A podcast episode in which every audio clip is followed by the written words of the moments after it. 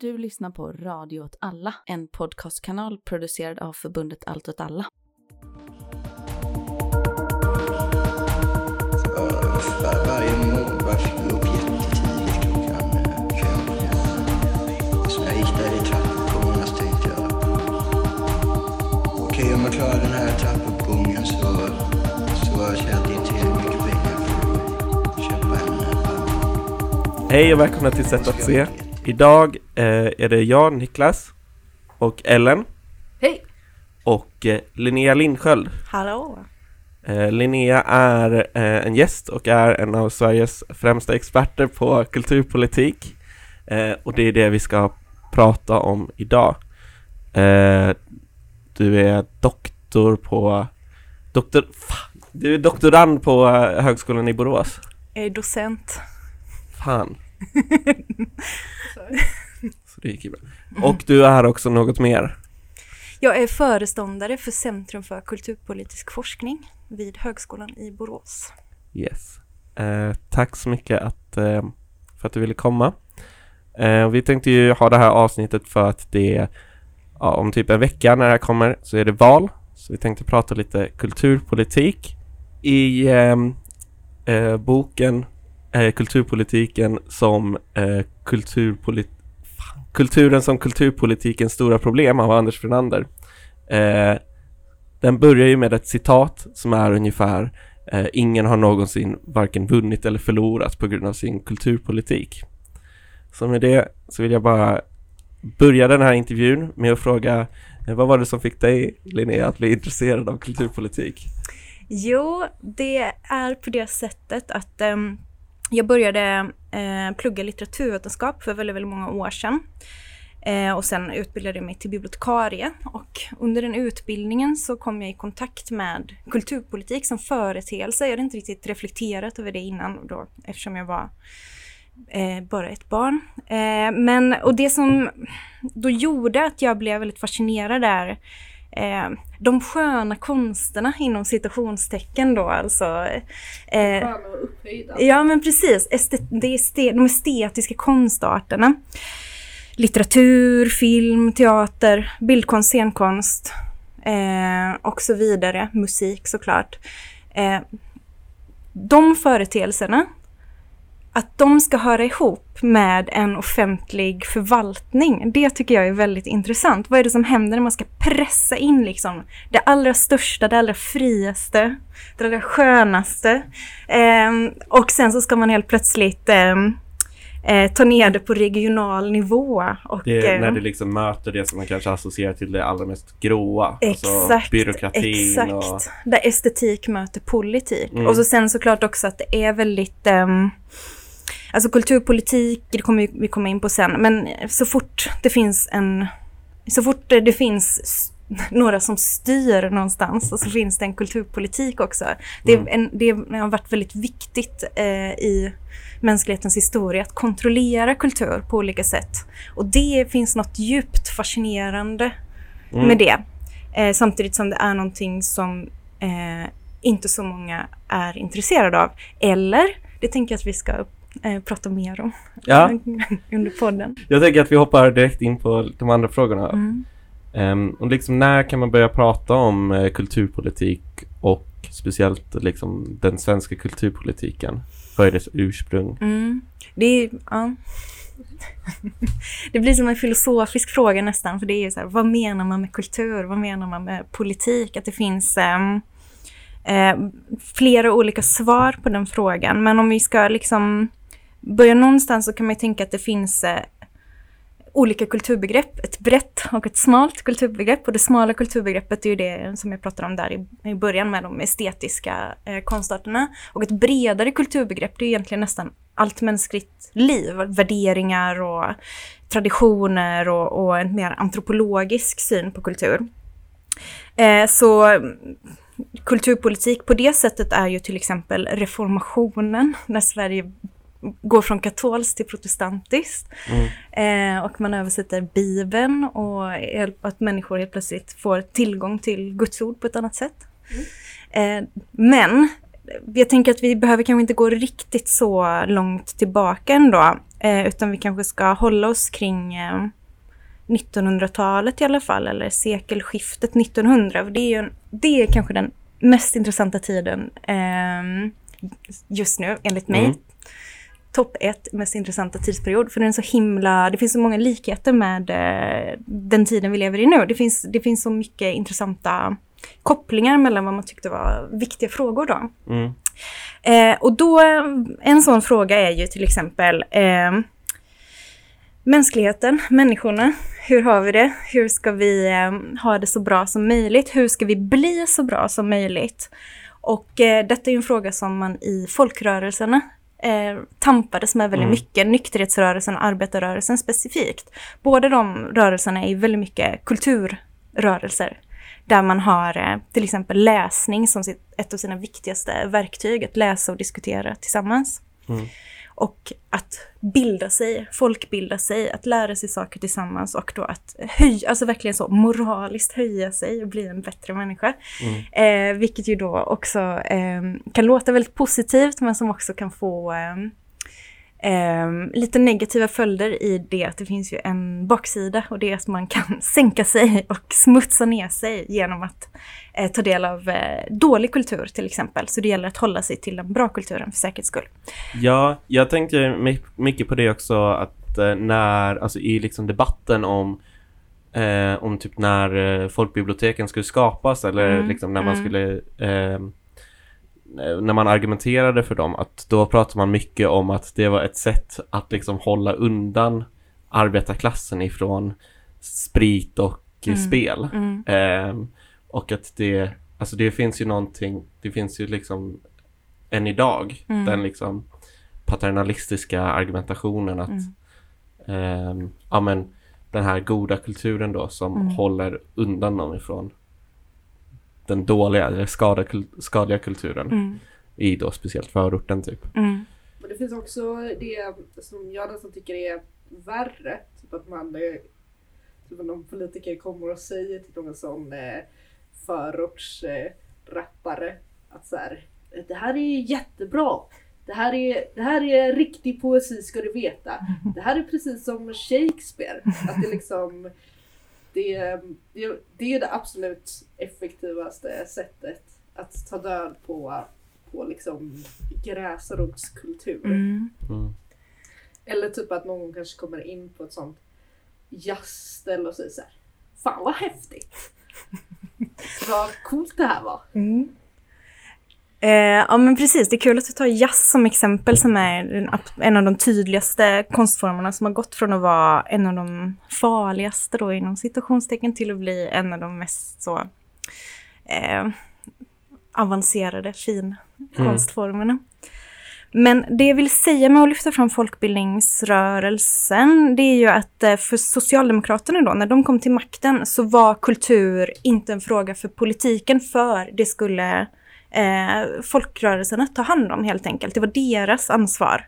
Mm. Eh, men eh, samtidigt, man, så på 30-talet kan man se de första så här eh, spåren mot det som, mot en etablering av svensk kulturpolitik. Statens konstråd eh, startade 1937 till exempel, de som ansvarar för offentlig konst i landet och så.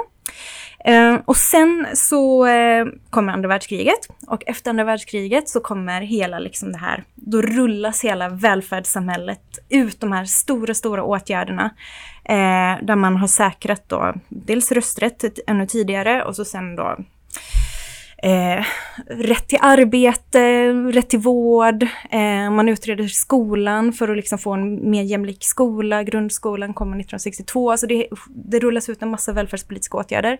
Och då tänker man eh, i eh, eh, politikerna tänker att, eller debatterar och resonerar att ja, men nu, eh, nu har människorna fått det bra på alla de här områdena. Nu finns det bara ett område kvar för eh, där vi ska skapa välfärd och det är kulturen. Så från eh, 45 fram till eh, mitten av 70-talet så är det en väldigt, väldigt lång och väldigt eh, fruktbar period av debatt där man liksom pratar om men hur ska hur ska en kulturpolitik se ut? Kan det ens vara möjligt? För fram, ja, man har tänkt ganska mycket att ja, men folk kommer, så fort människor får det bättre ekonomiskt ställt, så fort man får bättre utbildning, så fort man mår bbättre, då kommer alla automatiskt börja ägna sig åt bra kultur eller bra Mm. konst och kvalitetskonst. Eh, eh, och allt detta kommer bara ske av sig självt, så man behöver inte göra så mycket. Men sen upptäcker man att det verkar som att det inte händer. Eh, folket gör lite som de vill ändå. De gör inte automatiskt, tar de inte de rätta besluten. Folk är dåliga. Ja, folk, är då, folk gillar dåliga saker. Exakt. Och hur ska man kunna på något sätt ehm, främja tillgång till bra konst utan att, för man har ju fortfarande de här minnena från andra världskriget, man vill inte ha ett auktoritärt, fascistiskt, nazistiskt eller kommunistiskt eh, eh, styre av kulturen, utan man vill hitta en demokratisk, välfärdsbaserad eh, kulturpolitik. Och det föranleder ju en hel del debatt och konflikt och diskussion eh, hos alla partier, hur man ska Mm. lösa detta. Ja, men man vill he- helt enkelt, alltså först att folk eh, ska läsa bra litteratur istället för dålig litteratur. Mm, mm, Ehm, och ehm, eh, sen, sen kanske senare att man inte ska titta så mycket på tv och film. Kanske. Eh, och istället läsa böcker då. Ja, precis. Eller man ska i alla fall, eh, om man ska titta på ska titta på film, ska man titta på bra film. Och det kanske inte ens är Bergman alltid, utan det kan ju Mm. vara något, det kan vara, alltså, och det här att, ehm, det handlar ju hela tiden om att lirka, eh, att inte liksom komma med pekpinnar, inte censurera, Mm. förutom när det då behövs i filmcensur till exempel, utan att eh, med eh, små medel peka i rätt, rätt riktning, liksom. putta medborgarna i rätt riktning. Och det kan man göra på olika sätt.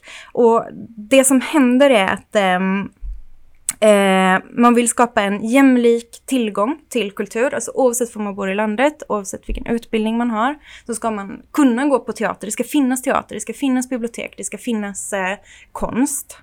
Och det handlar om distribution Mm. och konsumtion. Men en viktig del är också att ehm, kulturskapare ska ingå i välfärdssystemet. De ska få någon typ av ersättning. De ska kunna ha någon form av socialt skyddsnät. Eh, även om de inte är knegare på samma sätt som en fabriksarbetare så pratar man ändå om det i sådana termer att det finns någon form av ehm, lyfter fram det konstnärliga arbetet som något som staten har ett ansvar för och det handlar ju om produktion. Och det här är vad som kännetecknar en välfärdsorienterad kulturpolitik som de nordiska länderna har kan man säga. Så man, det är inte bara att man liksom demokratiserar tillgången till, Mm. till god kultur Precis, precis. genom att det ska finnas teater och sånt. Ja, Utan också produktionen. Alltså precis. det ska finnas möjlighet att eh, vem som helst ska också kunna producera Mm. kultur eller god kultur eller försöka. Ja, precis. Man ska få den möjligheten i alla fall. Det ska inte vara bara för de rika, utan att eh, eh, vanligt folk ska också Mm. kunna bli konstnärer. Men det här är ju liksom väldigt mycket Socialdemokraternas Mm. syn, Mm. tänker jag. Ehm, hur, hur liksom, vad, vad säger andra läger om det? Mm. Men då är det så här att när den här, all det jag pratar om nu, den här välfärdsorienterade kulturpolitiken, den faller på plats eh, 1974. Då startar Kulturrådet, eh, som är de som fördelar eh, nästan alla pengar på eh, kulturområdet eh, på statlig nivå. Och de kulturpolitiska målen eh, införs Mm. som vi, nu har vi ju, de uppdateras 96 och sen 2009. Så de, de utgör någon form av riktning för hur kulturpolitiken ska se ut. Och sen bryter man ju ner det på alla andra områden med teaterpolitik och filmpolitik och litteraturpolitik och sådär. Men eh, det som är viktigt att komma ihåg, eh, det är att alla var överens om den här kulturpolitiken 1974. Det var inte som att det var, den är ju väldigt socialdemokratisk, men det var inte så att det var ehm, eh, någon total fejd. Alla kunde enas om detta.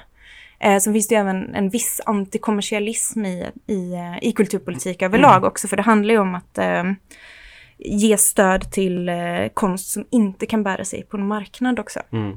Det är ett viktigt element. Ja, det har Mm. varit med nästan liksom från start, eller vad man ska säga, den motviktsidén lite. Ja, ja, men precis. Eh, för så blir det ju, för att det är ju ändå Och det är det som gör kulturpolitiken så känslig också. Att, till exempel på litteraturområdet, eftersom det finns en bokmarknad, så kan man ju inte gå in och stötta hur som helst där. För då riskerar man att slå ut eh, eh, marknadskrafterna. Och det där är ju en sån balans som hela tiden bevakas av eh, eh, olika intressen såklart. Så, så då har man istället kanske den här, det fanns typ fem örebok, öresboken eller någonting sånt. Mm, va? Alltså mm, att mm. bra böcker i billigt format. Precis. Eh, en bok för alla till exempel Ja. är ju ett sånt resultat av, ett, av eh, 1974 års kulturpolitik.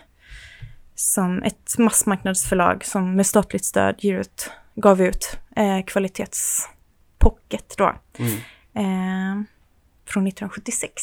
Om man liksom pratar om kulturpolitik i en ganska smal bemärkelse, eh, när vi börjar prata om när det blir som en budgetpost och sådär, då är det 1974 som är startskottet. Sen kan man ju gå tillbaka längre och så, men det är ju en ganska användbar utgångspunkt i alla fall. Och när kulturpolitik nu debatteras till exempel inför valet så brukar ju 70-talet vara en sån utgångspunkt då. Mm. Um alltså du menar även idag? Mm. 2000, Mm. vad, vad är det man liksom brukar spegla sig eller på vilket sätt brukar man ha det som utgångspunkt? Mm, då brukar man drömma sig tillbaka till målet eh, om att motverka kommersialismens negativa verkningar.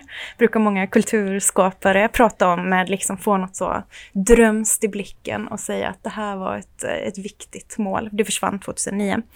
Eh, men sen så kan man ju också, eh, särskilt från högerhåll och liberalt håll, eh, kritisera att ehm, den här ehm, att 70-talets kulturpolitik innebar någon form av eh, eh, nivellering, fancy ord, alltså en, en, eh, att man gjorde så att all kultur blev sämre genom kulturpolitiken. Att eftersom det Det blev... är det här att alla ska vara lika dåliga i Socialdemokraternas Sverige ungefär. Ja men, liksom- ja men precis, och typ att om, om du är konstnär och du får bidrag, Mm. så i den här ehm, tesen då så blir man helt förslappad och gör mycket sämre konst för att man är så eh, beroende av staten. Liksom. Mm. Att man inte sitter i Paris och svälter eh, och försöker sälja sin tavla. Då blir det vilse i pannkakan istället för eh, Strindberg. Ja, men, något sånt eh, kanske. Jag Lite spetsigt. eh. Jag tycker, eh, jag tycker väldigt ofta man ser så här eh, till exempel på Twitter så kanske någon har tagit en bild typ, av en ful tavla eller någonting. Mm, mm, Och, eh, och så använder de det för att kritisera kulturpolitiken och Mm. säga så här. Kolla vad staten finansierar. Mm. Ska det vara så här? Är det här, men, är det, det här mina skattepengar ska gå till? mm. Och sånt. Vad, eh, hur tänker du på det? Jag tycker att det är en väldigt vulgär sak att, att göra. Det är, det är riktigt slappt. Mm. Men, ehm, eh, men det kan också vara kul. Men ehm, för att så... ehm, det är ett speciellt sätt att se på konst tycker jag. Att kräva att det ska ge någonting nu. Vi kan ju aldrig veta vad som kommer vara eh, våra absolut viktigaste och käraste konstverk om hundra år. Ehm, samtidigt så... ehm, eh, alltså- Man skjuter i, i mörkret. Ja, lite. men precis. Man, det är ju också... Eh, så är det med forskning också. Det finns ju flera Mm. likheter mellan forskning och konstnärligt arbete i att eh, man vet inte. Man får ge... Jag söker pengar för att kunna forska och jag vet ju inte förrän jag har gjort forskningen om det blir bra eller inte. Och så Mm. är det ju med alla projekt. Eller så här, det blir ju det blir alltid bra, men kommer det vara betydelsefullt, kommer det vara viktigt? Det vet vi inte förrän om många, många år. Och Mm. jag bygger vidare på vad andra har gjort för, liksom, för fem år sedan, för tio år sedan och vad forskare gjorde för 70 år sedan. Och de visste inte då att jag skulle plocka upp det och sådär. Och där har det ju verkligen varit. Det är ju era skattepengar som vi gör det för. Men ehm, eh, det ingår ju i dealen på något sätt att har man en kulturpolitik så kommer kultur stöttas och det blir kanske orimligt att alla medborgare ska tycka om varje enskilt konstverk. Det, det är mycket krav att ställa, Mm. tror jag. Kan man som, kan man, kan man begära pengarna tillbaka om man har gjort ett dåligt konstverk? Vet, det är ju inte så mycket pengar vi pratar om heller. Det måste vi Nej. också komma ihåg att ehm, varje gång eh, eh, det ska skäras i kulturbudgeten så är det ju det är inte många miljoner från början så man sparar inte så himla mycket skattepengar heller. Det är liksom någon miljon hit och dit men det är, det är inte mycket pengar vi snackar om. Det kan vara bra att komma ihåg också. Jag tänkte bara om, liksom, om man för lyssnaren, Mm. eh, om man inte har läst 7,5 högskolepoäng eh, kulturpolitik som jag har gjort. Mm. Eh, vad är liksom de viktigaste principerna och reformerna Mm. eh, i kulturpolitik? Mm. Och kanske också liksom hur det ser ut i resten av världen eller i Europa i Mm, alla fall. mm. Ja, men det är en väldigt bra fråga för faktum är att svensk kulturpolitiks utveckling följer hela Västeuropas utveckling. Det är liksom inte så att svensk kulturpolitik är särskilt unik i det avseendet utan det finns en sån ganska gemensam eh, utvecklingstendens. Sen har ju eh, då Danmark och Norge de länder som har väldigt lik eh, kulturpolitik på flera sätt. Men eh, det som händer efter 70-talet, det är ju att den här då, man brukar kalla den här, eh, det som hände på 70-talet för en demokratisering av kulturen. Och det är kulturen med stort K då, det är inte vilken kultur som helst utan det är den som man anser är, är bra eh, och god nog. Ehm, och det är någonting ganska självklart, det är ingenting som debatteras. Men det som hände sen är ju just att det börjar ifrågasättas med hjälp av eh, både liksom impulser från universitetet, att folk kommer med feministiska och postkoloniala perspektiv och postmoderna perspektiv, varför inte? Men också av liksom eh, marknaden med kreativa näringar, men också av undergroundkultur och alternativkultur, att den typen av kultur som blir väldigt så bortträngd av eh, 70-talets eh, socialdemokratiska välfärdsbaserade kulturpolitik, serietidningar och den typen av, av um, eh, kultur. Att det liksom ruckar på de här ganska eh, fasta ramarna. Men, eh, och det leder till någonting som brukar kallas för kulturdemokrati i, eh, eller kulturens, eh, kulturens demokratisering i kulturpolitikforskning. Och det gör att liksom saker som typ hemslöjd, att det blir en del av kulturpolitiken. Att det liksom, även om det är ett hantverk som mest Mm. utförs av kvinnor så kan det också ses, lyftas upp och få någon form av, av status så.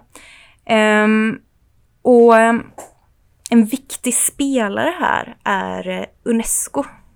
Alltså FNs eh, eh, kultur och utbildningsorgan. För Unesco har också en ganska stor påverkan på kulturpolitik i, i många länder. Ehm, och då från 80-talet, men särskilt under 90-talet, så pratar Unesco väldigt mycket om diversity, alltså Mm. mångfald. Eh, och det handlar ju då om eh, att, ehm, att det inte bara ska vara en etnisk kultur i ett land till exempel, eller, Mm. utan, eller den ma- majoritetsgruppen, gruppen, utan att det ska finnas plats för eh, kulturyttringar av andra etniska grupper till exempel. Och det här kommer ju såklart av eh, eh, länder med fruktansvärda eh, folkmord och eh, konflikter och så. Men det får ju effekt i många, många, i alla länder att eh, man lyfter fram eh, flera kulturarv, inte bara det eh, dominerande och så. Så det är en sån ganska tydlig trend från 90-talet att man pratar om mångkultur, vilket ju är ett begrepp som sen inte används längre för att det har en väldigt så statisk syn på kultur. Att, att grupper har kulturer Mm. eh, som ska mötas då. Men i verkligheten är det mycket mer komplext att alla individer har, består av många olika Mm. impulser och, och Men är det då det börjar bli liksom från Unescos håll att man ska bevara typ samisk kultur och sånt? Ja men så, precis. Och, eh, immateriellt kulturarv med Ja. som kan vara ett språk till exempel, eller ett specifikt hantverkssätt, eller ett specifikt sätt att eh, tillaga mat på sådär. Mm. Det kan ju också vara kulturarv. Eh, kreativa näringar.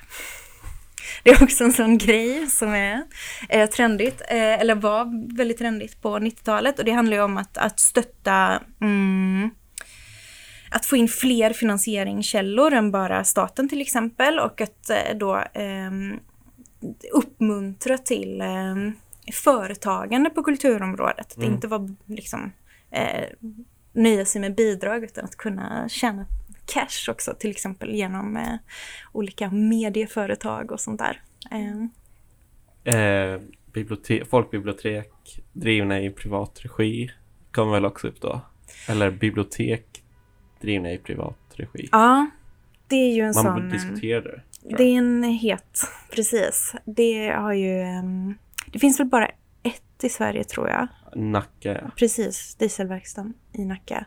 Eh, det är ju en fråga som fortfarande är väldigt... Eh, ja, men diskuteras av bibliotekarier Mm. helt enkelt.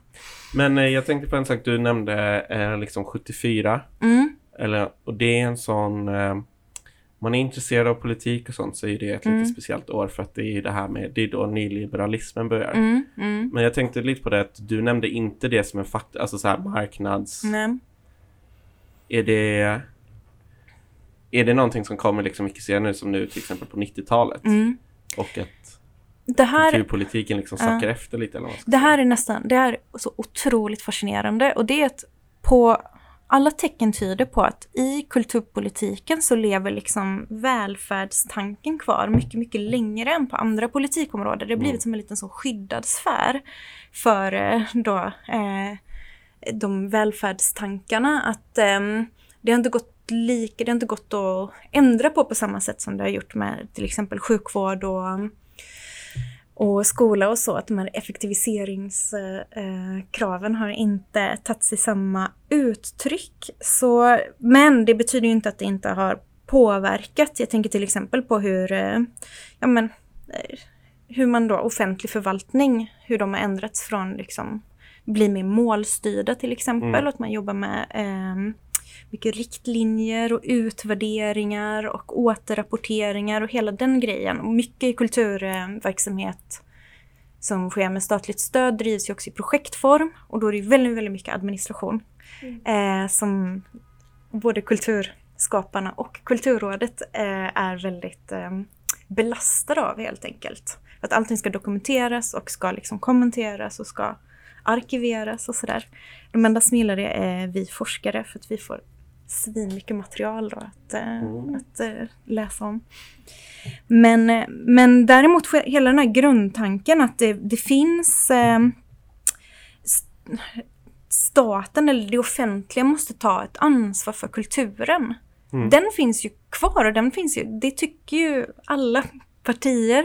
Ehm, det finns några eh, folkpartister eller liberaler som eh, är, lite mer vill ha nattväktarstat. Men i övrigt så är, finns det ändå någon form av... Sen så vill man ju att det ska se ut på olika sätt såklart. Men själva Mm. den grundidén att men det offentliga måste putta in lite cash för att det ska bli lite kultur. Det håller de Det allra finns flesta liksom med nästan, det finns liksom mm, ja, väldigt få marknadsfundamentalister. Eh, ja, som du var inne på. Ja, liksom. Eh, men det är ändå en ganska stor skillnad från övriga politikfält. Mm. Där det brukar vara någonting som dyker upp då och då. Ja. Så till och med i vård och sånt Ja. kan det ju komma fram liksom. Och en orsak till det kan ju vara att det inte är så många som bryr sig om Mm. kulturpolitik. Att det inte är så intressant att man inte... Det är inget att göra karriär på. Det är inget... eh, Det är mest eldsjälar som vill bli kulturministrar. Det är inte liksom ett sätt att bli statsminister. Så. Mm.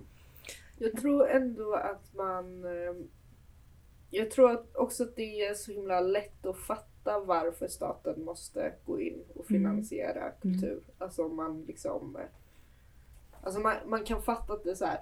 Okej, eh, jag betalar 100 kronor för en biobiljett. Mm. Jag skulle behöva betala liksom 1000 kronor för, för, att, för en te- teaterbiljett Mm. liksom, om den skulle komma upp i samma nivå. För att man Mm. kan visa en film Mm. hundra gånger liksom.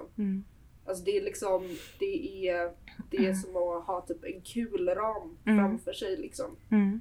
När man tänker på det. Mm. Mm.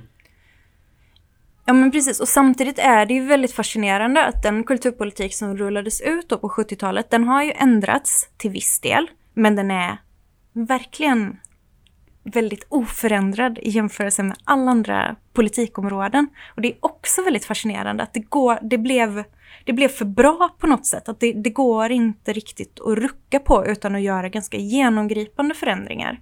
Utan varje försök till förändring möts med väldigt stora proteststormar. Eh, för att kulturskaparna har tillgång till kultursidorna och är väldigt bra på att uttrycka sig och väldigt frejdiga och roliga och eh, drastiska.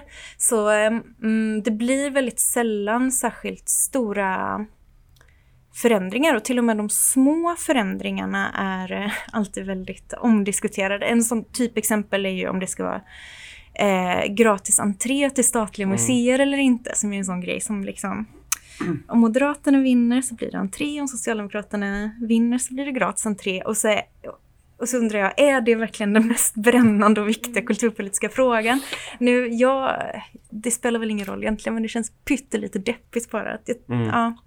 Men jag tror också att det, det, jag vet att det är väldigt, väldigt, väldigt svårt att tänka på något annat sätt, för det skulle innebära så stora förändringar av kulturpolitikområdet att ehm, eh, få palla göra det helt enkelt.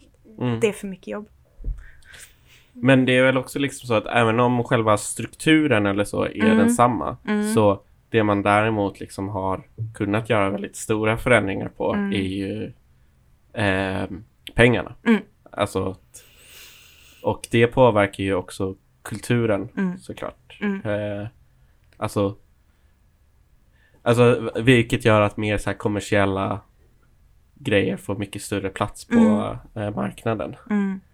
Ehm, Ja men precis, man får inte lika mycket, alltså, lika mycket pengar i litteraturstöd nu som man fick på 80-talet. Alltså, det har inte ökat ersättningen i takt med inflationen och sådana saker. Det ska Utan- inte komma några nya sådana här eh, livs... eh, Livsbidrag, eh, vad heter det? Sådana att eh, om man är en jättebra konstnär så får man... Ja, långtidsstipendier, Ja, typ. Ja, nej, men det, det fanns ju sådana stipendier man kunde få på livstid innan, Mm. men om man tjänade, om man hade andra inkomster så drogs det ner, så det var inte så att man hade hur mycket cash som helst. Men nu är det inga nya som får sådana, utan nu är det mer att man får på kanske tio år, alltså Mm. längre sådana. Men det ska ju sägas också att det var ganska lågt. Alltså det var väl knappt liksom minimilön, alltså Mm, existensminimum mm, mm. man fick. Eh, som max.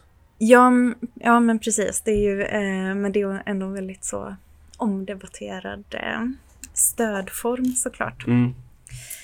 Om man frågar vad, eh, om du personligen, Mm. eller ja, med allting du vet, vad du tycker skulle vara bra reformer? Ja, nej men jag tycker det är en jätte, jättebra fråga, men jag tycker faktiskt att det inte är eh, forskarens uppgift att svara på. eh, för jag tycker att det ska politiker göra, eller Mm. aktivister, eller liksom eh, opinionsbildare. Jag är, den typen av forskare jag är, den som kommer bakom och säger det här, det du gör är fel på grund av de här anledningarna. jag är en men kan du kritisk säga den forskare, inte sämsta, som, som kan du säga den sämsta reformen som har kommit? Eh, nej, men det är inte heller... Alltså, men jag kan, säga, jag kan säga så här, jag, kan, eh, jag ska, vara, ska vara lite mer tillmötesgående. Mm, jag tänker att kulturpolitik... Um, nu, ska vi se, nu, ska, nu tänker jag samtidigt som jag pratar. Um, det det handlar om, eller det jag tycker att kulturpolitik ska vara till för medborgarna, och det tycker jag som forskare och som eh, medmänniska. eh, och då tycker jag att man inte ska ha en eh, uppläxande ton Mm. mot vi som vill ta del av, eller vi som tar del av konst och kultur. För hela grejen med kultur är ju att alla håller på med det. Mm. Eh, även fast man aldrig har läst en bok i hela sitt liv eller gått på opera eller drejat så ägnar man sig åt kultur för att vi är människor och vi är kulturvarelser. Till och med vissa djur eh, har kultur, men det behöver vi inte gå in på. Men, ehm, eh, så, och det på något sätt är ju det viktigaste här, att det här är, det här är något vi gör och som vi mår bra av och eh, som kanske är hela meningen med livet. Och då kan jag tycka att det skulle vara bra om det fanns en möjlighet att från offentligt håll stötta människors skapande och brukande av kultur. Och det tror jag kan se ut på väldigt många fler sätt än vad jag ens kan föreställa mig. Men jag är ju en sån folkbildnings... ehm, fan också, så att jag gillar ju väldigt mycket hela civilsamhällets mm. Kulturpolitik och fostran, i, fast kanske att eh, det ska vara mer av en med... Eh, att man har på en mer jämlik nivå, att man liksom stöttar varandra och, och um, skapar konst och kultur efter sina förutsättningar utan att få höra det här är bra, det här är dåligt, det du gör är dåligt, du blir en dålig människa, eller det du gör är bra, du blir en bra människa. Mm. Alltså sånt, eh, den typen av eh, väldigt moraliskt värderande eh, tror jag gör eh, mycket skada. Mm. Men jag tänkte också på det med, eh, eller jag, i min vardag så tänker jag mycket på det här med liksom den professionalistiska Mm, inställningen lite, både på Mm. sport och kultur liksom. Att det är, jag slutade spela fotboll när jag var 12 Mm. för att det blev eh, för hård stämning liksom. Mm, mm.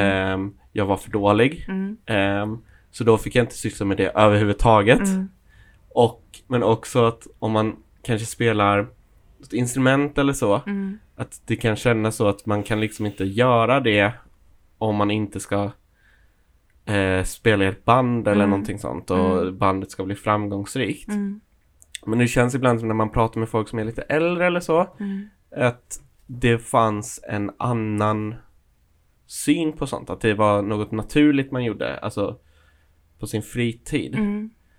Eh, och tänker du att det är liksom en konsekvens av kulturpolitik eller liksom pol- kulturpolitikens utveckling Mm. eller så? Nej, det tror jag faktiskt. För det första, Korpen.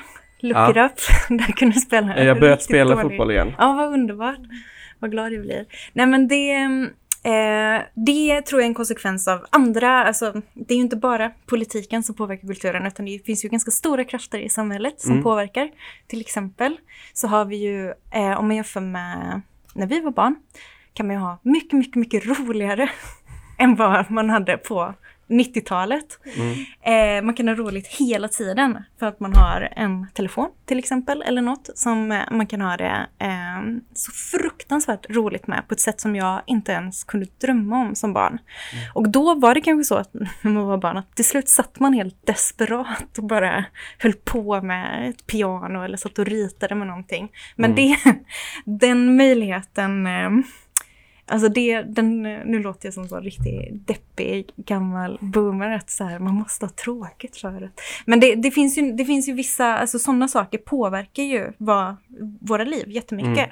Men, och det går inte att lagstifta om eller liksom uppmuntra till att sluta Mm. med. Liksom. Utan det är, det är större saker än bara vad en kulturminister kan göra till exempel. Men det jag tänker kanske mer är ju Alltså kanske mer liksom politikens undandragande Mm. ifrån kulturområdet Mm, på något mm. sätt. Alltså att stöden till sådana lokala föreningar Mm, och sånt har dragits ned på. mm, Vilket gör att det som finns är det professionella, mm.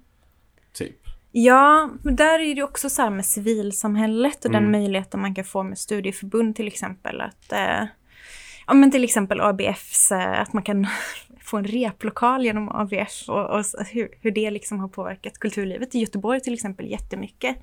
Ehm, men, men just det där är ju en balans för att samtidigt så måste professionell, professionella utövare eh, måste få lov att finnas för att det ska kunna, eller måste få lov att få väldigt mycket cash för att det ska Mm. kunna gå och vara professionell kulturutövare helt enkelt. Mm, Men jag tycker det är dumt att se det som en motsättning mm, eh, och säga att det är elit mot amatör. Det, det finns mycket sådana tongångar i debatten och jag tycker att det är en väldigt, det är en felaktig konflikt, felaktig eh, polarisering. mm. Men ska vi gå vidare till nutiden kanske? Mm. Och eh, liksom titta på lite hur eh, dagens partier tittar på eh, kulturpolitik eller liksom vad som är gällande och Mm. eh, också om det är någon som eh, står ut eller Mm, så. Mm, mm. Kan man ju undra det. Men ja. Ehm, jag tänkte bara att det finns ju ett sånt trendord som jag ehm, inte sagt än, men det som präglar kulturpolitiken internationellt jättemycket just nu, det är delaktighet, participation. Det är liksom ersatt mångfald, det är som delaktighet och inkludering. Ehm, och det kommer ju att prata om det. I, och i svensk kulturpolitik så är det ett jättetrendord också. Det är någonting som alla kulturinstitutioner jobbar med. Hur ska vi kunna inkludera fler? Hur ska vi få fler att komma till vår institution? Hur ska vi få fler att, att känna sig delaktiga? Och sådär. Och det har min eh, kollega Sofia Lindström Sol forskat eh, ganska mycket om. Så man kan eh, googla på hennes namn, Sofia Lindström Sol, om man vill läsa mer om det. Hon har bland annat studerat just eh, delaktighet i Göteborgs stad och publicerat en rapport om det ganska nyligen. Ja, den... Det är i uh, Vad händer i Göteborg-podden så tror jag att de pratar lite om den Mm. uh, i senaste avsnittet. Den delaktiga städer eller någonting sånt. Jag kommer ju faktiskt inte ihåg vad rapporten heter nu, men eh, det... Ja. I alla fall. Men så, så den, den trenden finns. Och så sen, alltså när jag började forska, eh, när jag började mina doktorandstudier då 2008, då var ingen intresserad av kulturpolitik. Och kulturutredningen kom ju 2009, men det var, och det blev ju debatt och så, men det var ändå liksom inte... Det var inte så sexigt ämne helt enkelt. Men nu, look at me now. Nej men nu är det ju jätte...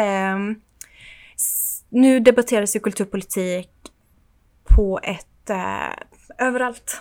Och det kan ju handla om lite vad som helst. Alltså Mm. folkbibliotek har ju blivit en sån jättestor symbolfråga. Eh, vad som finns på ett folkbibliotek, vad som inte finns, vem som pratar, vem som får prata, vem som inte får prata, vem som får vara där, vem som inte får vara där och den typen av frågor. Eh, det finns som offentlig konst, blir ju jätteladdat. Vad ska finnas? Vad ska jag behöva se när jag går på gatan? Mm. Eh, var går gränsen för liksom anständighet? Den Mm. typen av frågor. Men också frågor om värderingar och vad, vad är svenska värderingar? Vad är, det är också en debatt som finns i, eh, många, många andra europeiska länder också. Det följer Mm. verkligen en, en sån allmän trend att prata om, om eh, eh, liksom gemensamma kollektiva värderingar i ett land och knyta det ganska mycket till nationalitet också. Att fran, franska värderingar är så här, danska värderingar är så här. Och Mm. det blir också en del av kulturpolitiken.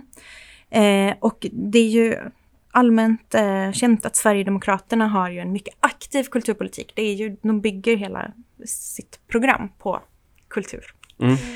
Eh, och en politisering av kulturen också. Och då är det ett mycket bredare kulturbegrepp än att bara handla om de estetiska konstarterna, utan det handlar om svenskhet framför allt. Eh, Sill och potatis. Ja, men till exempel att använda sådana markeringar och att... ehm, men också så här eliten mot folket, att eh, eliten sitter på teatern och tror att de kan göra vad som helst, men vi vill inte se deras teater. Och den typen av argumentation som ju också, eh, som många andra eh, partiföreträdare från många andra partier också kan tycka såklart. Men ehm, Men det var väl också någonting som Reinfeldt la sig till med. Alltså inte på samma sätt men att Nej. han eh, var så här, ja men jag gillar falukorv, ugn och dabas. ja, Ehm, för att positionera sig emot kanske traditionella moderater Ja. då, som var Moderaterna har väl aldrig varit kulturhöger så liksom men Mm. eh, att han, det var väldigt viktigt att framställa sig då som folklig i genom så här kulturella mm. tecken. Mm. Ja, men och min take då, jag har ju skrivit om Sverigedemokraternas kulturpolitik i en artikel från 2015 som finns fritt tillgänglig. Den är ju jättegammal nu, men om man vill läsa så går den att hitta. Eh, och det som, allt, hela den här kulturpolitiska historien då, den visar ju att eh, man har inte gjort så mycket. Det har inte behövts. Det har Mm. varit den här administrativa apparaten har rullat på sig själv. Institutionerna har haft jättemycket autonomi. De har haft jättemycket att bestämma själva över och sen rapporterat till Kulturrådet. Och så har eh, politikerna inte behövt ha några så här genomgripande fleråriga utredningar eller uppslitande interna diskussioner om vad man egentligen menar med eh, liksom kultur helt enkelt. Mm. Så att det, det, det finns absolut ingen, eller det fanns eh, inför förra valet en total eh, oförmåga att möta Sverigedemokraterna i debatt. Sen har det blivit bättre. Eh, och jag kan ju också säga att då när jag publicerade den här eh, artikeln och sen då inför eh, valåret nästa gång då, 2018, så var det två politiska partier som hörde av sig och bara kan inte du vara med och utveckla vårt partiprogram? Oj! Och jag bara nej, det ska jag absolut inte göra. Det är inte, Det är inte min uppgift, det ska Nej. ni göra själva. Jag kan, så här, ni kan läsa min forskning, jag kan komma och berätta min forskning, men i politik får ni faktiskt Mm. skapa själva. Moderaterna, jag var inne och kikade igår på partiernas eh, val... Eh, vad säger man? Valmanifest Mm. Mm. på kulturfliken och eh, då skriver Moderaterna typ bara att de vill utreda en massa. Mm. Så att de vill tillsätta statliga offentliga utredningar. Mm. Mm. Kultur. Nej, nej, nej, men de är väluppfostrade då. Så att, Mm. ehm, men det jag tänker på också med då när Sverigedemokraterna kom in på arenan, det är ju också att när de kommer med sin kulturpolitik så blir motreaktionen att försvara den befintliga kulturpolitiken väldigt mycket som att det är den absolut bästa som någonsin har funnits. Och jag är inte helt säker på att det är den bästa strategin heller, för då blir det som en sån sorts cementering av debatten. Att men det här finns, det här kan vi absolut inte kritisera. Utan nu måste vi skydda den här kulturpolitiken. Bara för att SD kommer med något annat alternativ istället för att säga men så här skulle vi vilja göra. Så, här. så det saknas väldigt mycket. Det saknas en borgerlig ideologisk kulturpolitik. Det saknas en vänsterideologisk genomarbetad kulturpolitik på många sätt. Sen finns det ju eldsjälar inom partierna som tycker att det här är väldigt viktiga frågor men det, de har inte ägnat flera år av arbete Mm. för att liksom diskutera fram det. Nej. Men har du något exempel på alltså faktiska liksom, reformförslag från Sverigedemokraterna då ehm, som liksom skulle rucka på den här eh, konsensusbilden? Mm. Det är ju jätteviktigt att komma ihåg att de, det finns ju jättemycket utspel, det finns jättemycket förslag, men det är absolut inte säkert att något av det kommer genomföras. Det kan Mm. mycket väl vara så att, som jag sa, kulturpolitik som det, om man tänker på kulturpolitik som det området som, alltså i budgeten som är under rubriken kultur, så är det en ganska liten del och man kan tänka sig att det kan finnas andra saker man är mer intresserad av att förändra än just den delen när man väl sitter i regeringsställning så är det ju för alla partier. Men de, många av deras eh, förslag är ju ganska stora, är ju väldigt mycket en ökad styrning.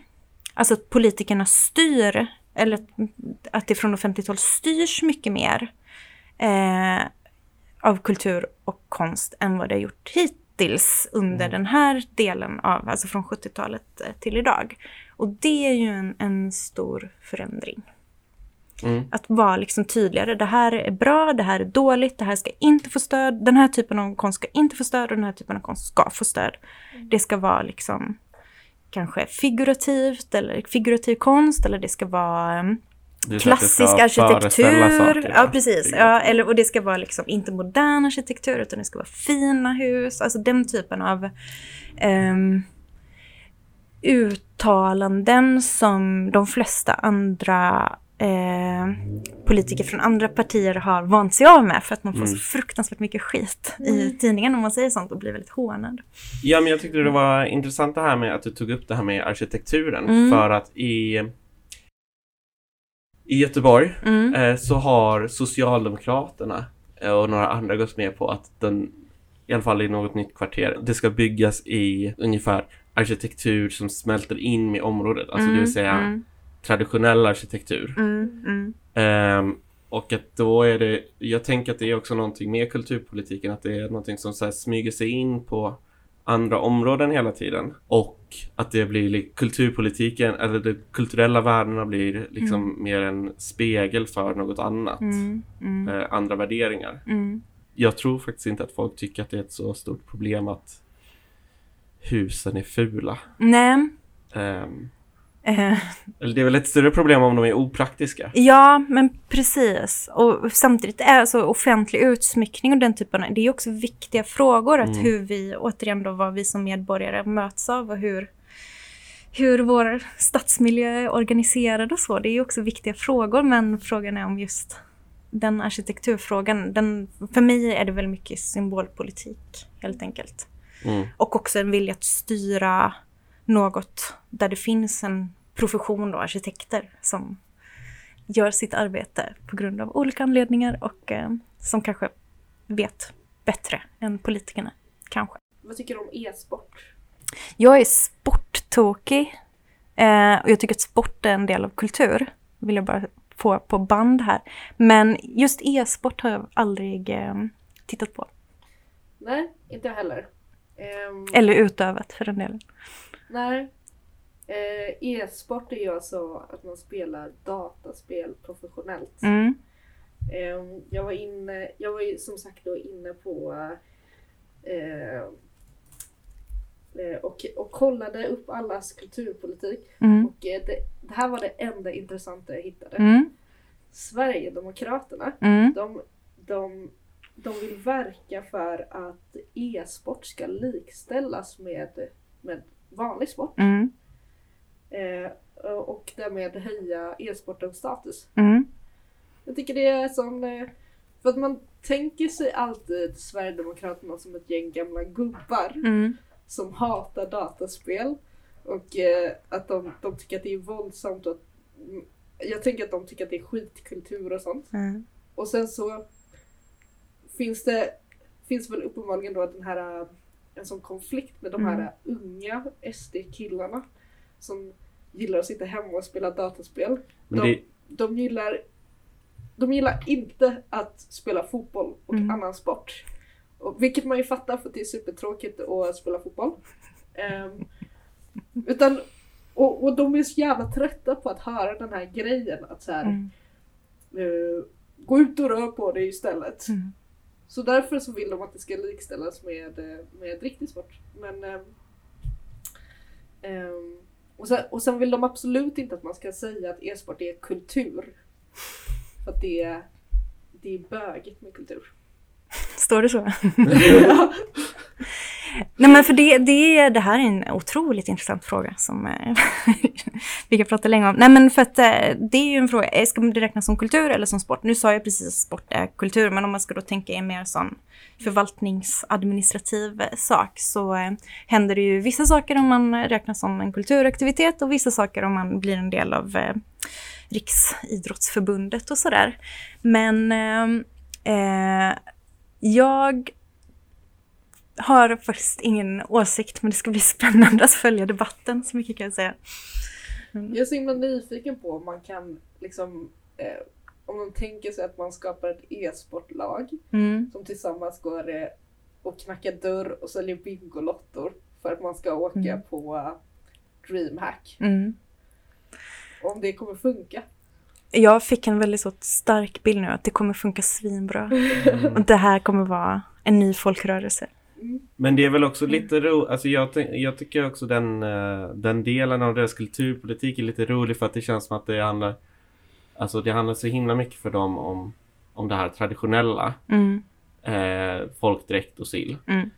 Eh, och sen det bara möts Det möts liksom väldigt hårt emot det här supermoderna Mm. Och som också djupt osvenska i Mm. många fall. Alltså, inga av de här spelen kan ju sägas eh, spegla svensk kultur riktigt, även fast Mm. det finns vissa stora svenska spelföretag. Ja, förutom om man inte tänker att det speglar vad folk tycker är kul och håller på med. Då Mm. är det ju, att det finns ju en sån eh, en folklig framtoning i detta förslag kanske. Ja, det är sant. Eh, Fast jag tror att det är jättemånga som tycker att e-sport är extremt dumt. Alltså Mm. jag tror att det är fler som tycker det är extremt dumt än, än som tycker att det är en bra grej. Men, men också så kan man väl tänka sig kanske att det är, är så här, det är en sån kultur som man kanske från statligt håll inte behöver stötta så mycket eftersom Mm. det av sig självt genererar så extremt mycket pengar. Ja, men hur ska du måste få en återväxt, du måste ha gräsrötterna, du måste få... Ja, jag, tror jag lutar åt att jag är för nu, att det ska bli... Eh, ja, men jag... Ja, mm. Det finns något eh, men en, en liksom, här. ett, eh, Kulturrådet hade kanske kunnat sponsra liksom, alltså visst de här CS-turneringarna, Mm. Counter-Strike Mm. och eh, LOL och vad det heter, eh, League of Legends. De, de tjänar ju pengar, men vad har hänt med liksom eh, Pac-Man-turneringar och sånt? Ja, just det. Så det kanske de kan sponsra liksom och väga upp då lite. Mm. Det finns en sån här äh, jättestor typ äh, det finns en äh, äh, dokumentär om ett Donkey Kong-spel. Ja, just det. King of Kong. Mm. Ja. Den är... Ja. Ja, men, men det, om jag jag får knyta ihop säcken nu då med hjälp av detta. Nej, men för att det vi pratar om nu, det är ju liksom ehm, alltså saker som folk gör som Mm. de tycker är jättekul helt enkelt. Och som är någon form av kultur eller sport kanske. Eller, men det är, liksom, det är någonting man gör helt enkelt när man inte arbetar.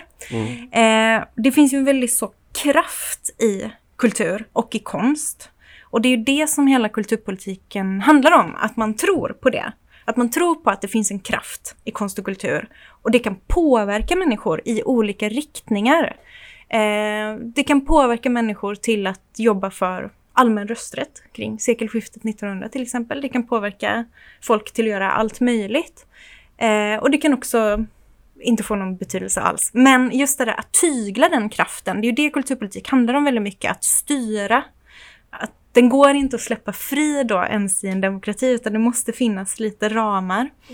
Eh, och det är det som är så fascinerande med att, arbeta med eh, och skriva och forska om kulturpolitik. För att se hur, hur människor försöker tygla den här kraften helt enkelt. Eh, eller främja den eller ta den i bruk för sina egna syften och så vidare. Och det är både sig väldigt likt och förändras under hundra år. Men det, ja, det är fascinerande. Tror du det här valet kommer avgöras av kulturpolitik? Eh, kulturpolitik i bred bemärkelse, ja. Värderingar och så vidare.